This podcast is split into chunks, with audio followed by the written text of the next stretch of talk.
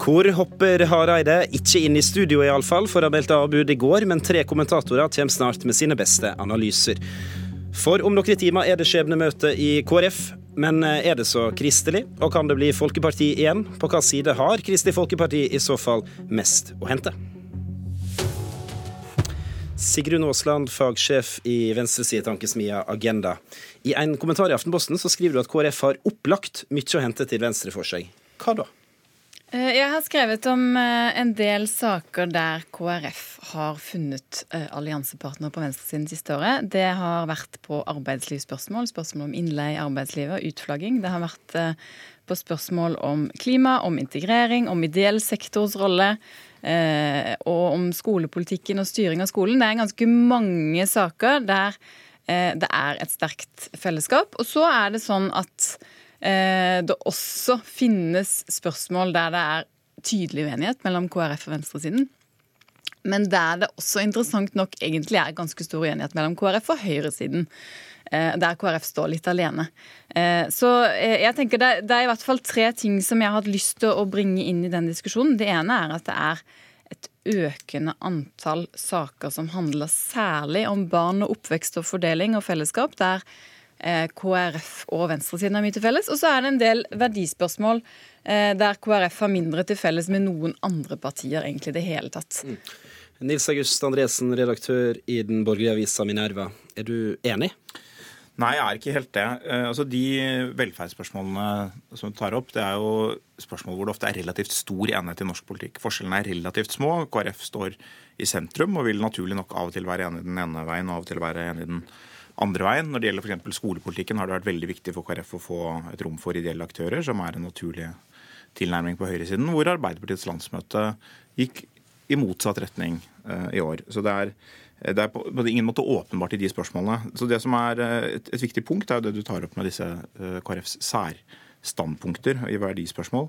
Det jeg vil opplever, er at det partiet som har lettest for å forstå KrF i de spørsmålene, fordi de samme debattene går der, det er Høyre. Og Det så vi f.eks. i spørsmålet om reservasjonsrett, hvor, som selvfølgelig ikke var noen veldig populær sak i Høyre, og heller ikke på ingen måte i mediene, men hvor Høyre på en måte sto på den barrikaden og kjempet for KrF.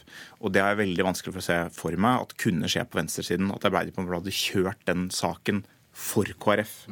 Å stemme for det i en komité, håpe, håpe at ingen ser det, det kunne de sikkert gjort. Men å slåss for KrF-saker, det har jeg veldig vanskelig for å se for meg at eh, Arbeiderpartiet kunne gjort. Ja, Åsland, hva med surrogati, bioteknologi, kontantstøtta, K-en i KRLE?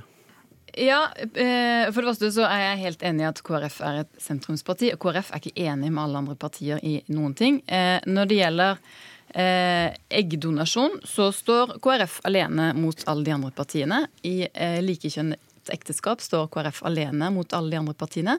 Og i en del verdispørsmål er de enige med Høyre, og i en del verdispørsmål er de enige med venstresiden. Eh, jeg tror at eh, det er ganske tydelig, et ganske tydelig saksfellesskap på det som handler om arbeidsliv og trygt arbeidsliv. Eh, det har vi sett tydelig det siste året.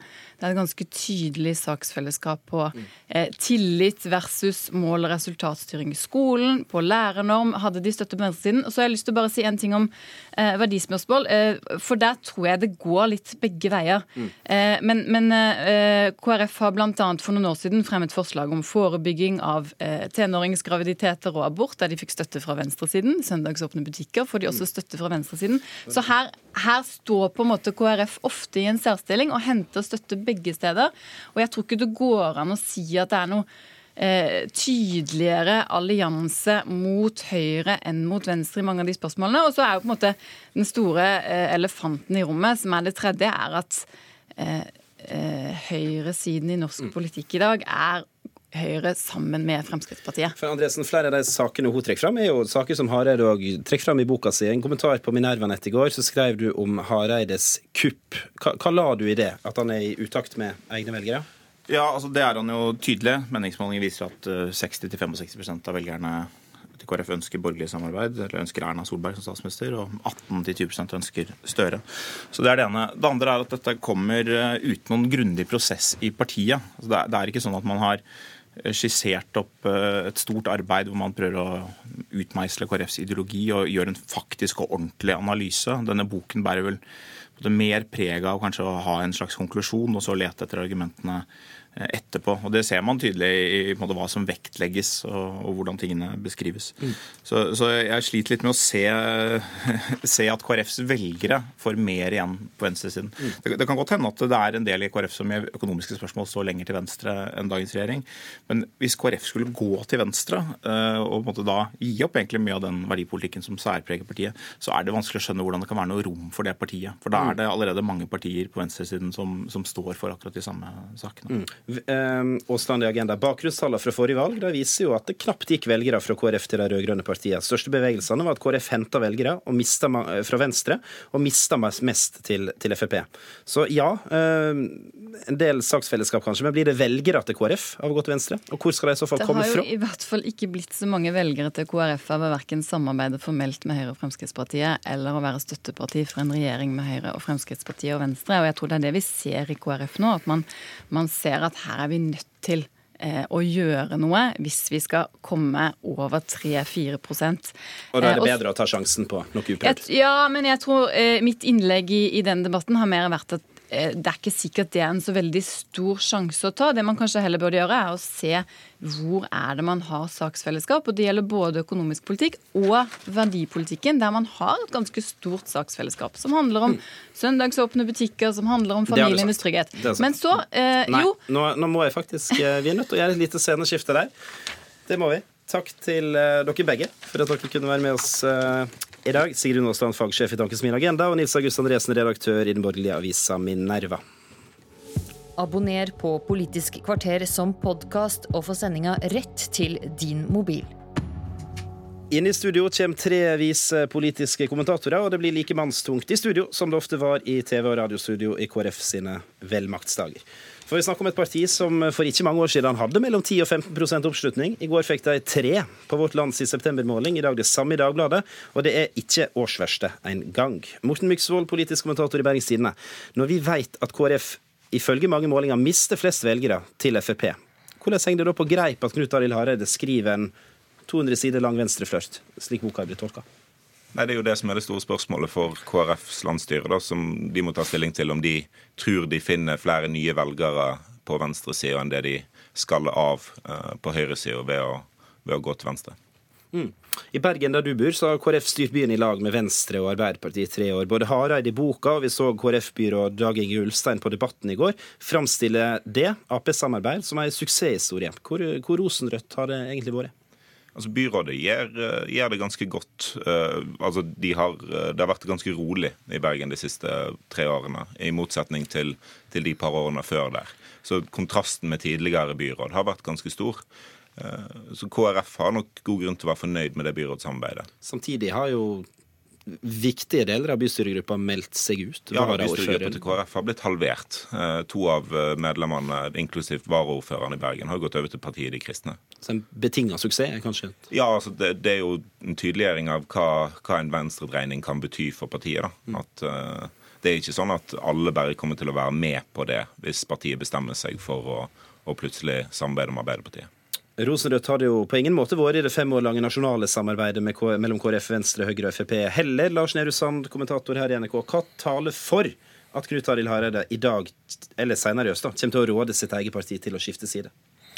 Det er jo troen på at man skal eh, få til noe mer på, på, den andre siden som må ligge til grunn for et sånt resonnement. Det andre er selvfølgelig at, at man har lova å ikke eh, samarbeide mer enn man gjorde forrige periode med Fremskrittspartiet, og at det er et veldig avgjørende løfte, og at det sånn sett er Høyre som har valgt bort KrF, eh, og ikke KrF som har valgt bort eh, Høyre, kan man velge å, å, å se hvis man, man vil eh, ha, ha, et sånt blikk på det.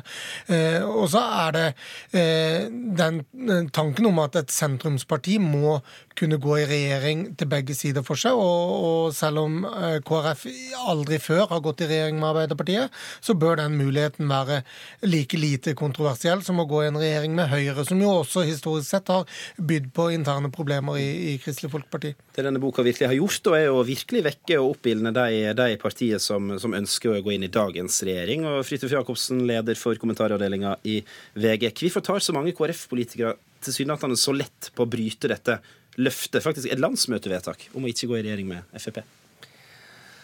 Ja, eh, Det løftet om å ikke gå i regjering med Frp kan jo også ha vært en konsesjon til den relativt store delen av partiet som eh, er, lener seg mer mot venstre. Eh, og så tror jeg at Hareide eh, kunne godt blitt sittende i dagens posisjon som et eh, vippeparti som eh, på en måte inntil videre støtter Erna Solbergs regjering. Med mindre man blir tvunget til noe annet ved, ved at noe blir satt på spissen. Eh, men eh, når han sier at partiet må i regjering, eh, og, guffer opp en sånn slags Nå er det alt eller intet, vi må inn i en eller annen form for regjering, ellers så går vi under. Da vil jo partiet våkne og si at hvis det er slik, så må vi inn i en borgerlig regjering og ikke i en Arbeiderparti-ledet regjering. Og det, det, jeg, jeg, det er litt vanskelig å tolke det på noen annen måte enn at det er der eh, majoriteten i partiet og velgerne ligger. At de, hvis, de, hvis de må velge, så velger de borgerlig. Men de kan også leve med dagens situasjon. Det tror jeg de kan gjøre. Men motsatt utfall, da. Tror du, altså Vil velgerne til KrF ha noen som helst forståelse for det? Hvis, hvis de feller Erna Solberg nå, etter å ha pekt på henne som statsminister i fem år? Eh, det kan jo hende at Knut Arild Hareide er et politisk geni. Eh, som har en eller annen innsikt i dette, eh, og hvor smertegrensen går, som ingen andre har. Eh, og at han eh, bare på en måte i kraft av sin eh, en stor autoritet og en slags sånn eh, nesten sånn gudgitt legedregenskap kan dra partiet over i en regjering sammen med SV, som jo er alternativet her.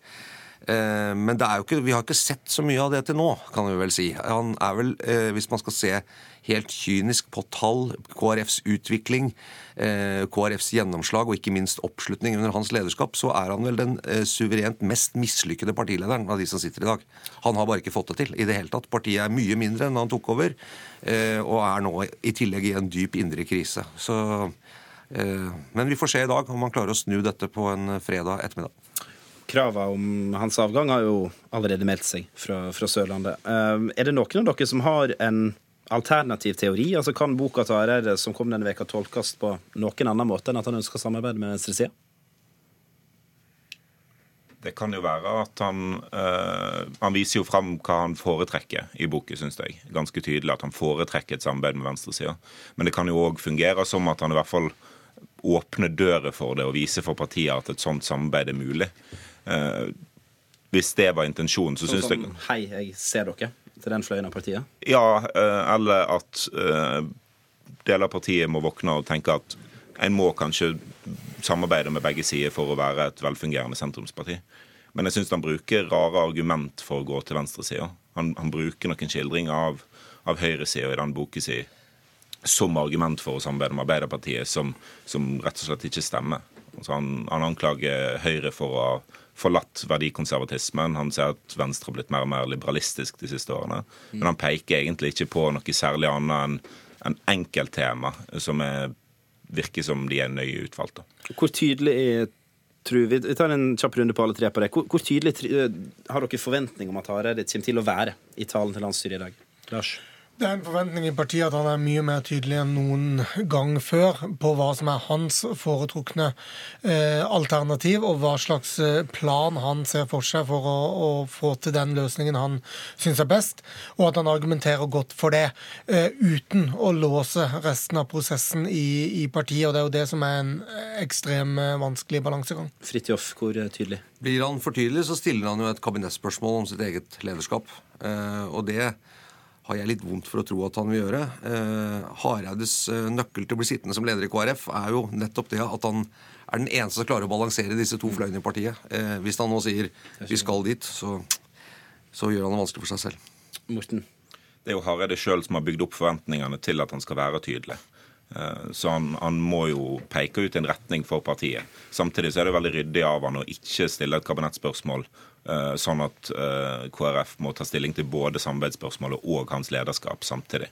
Men det er klart at hans lederskap må jo være en, et spørsmål som kommer opp etter KrF har valgt retning. retning.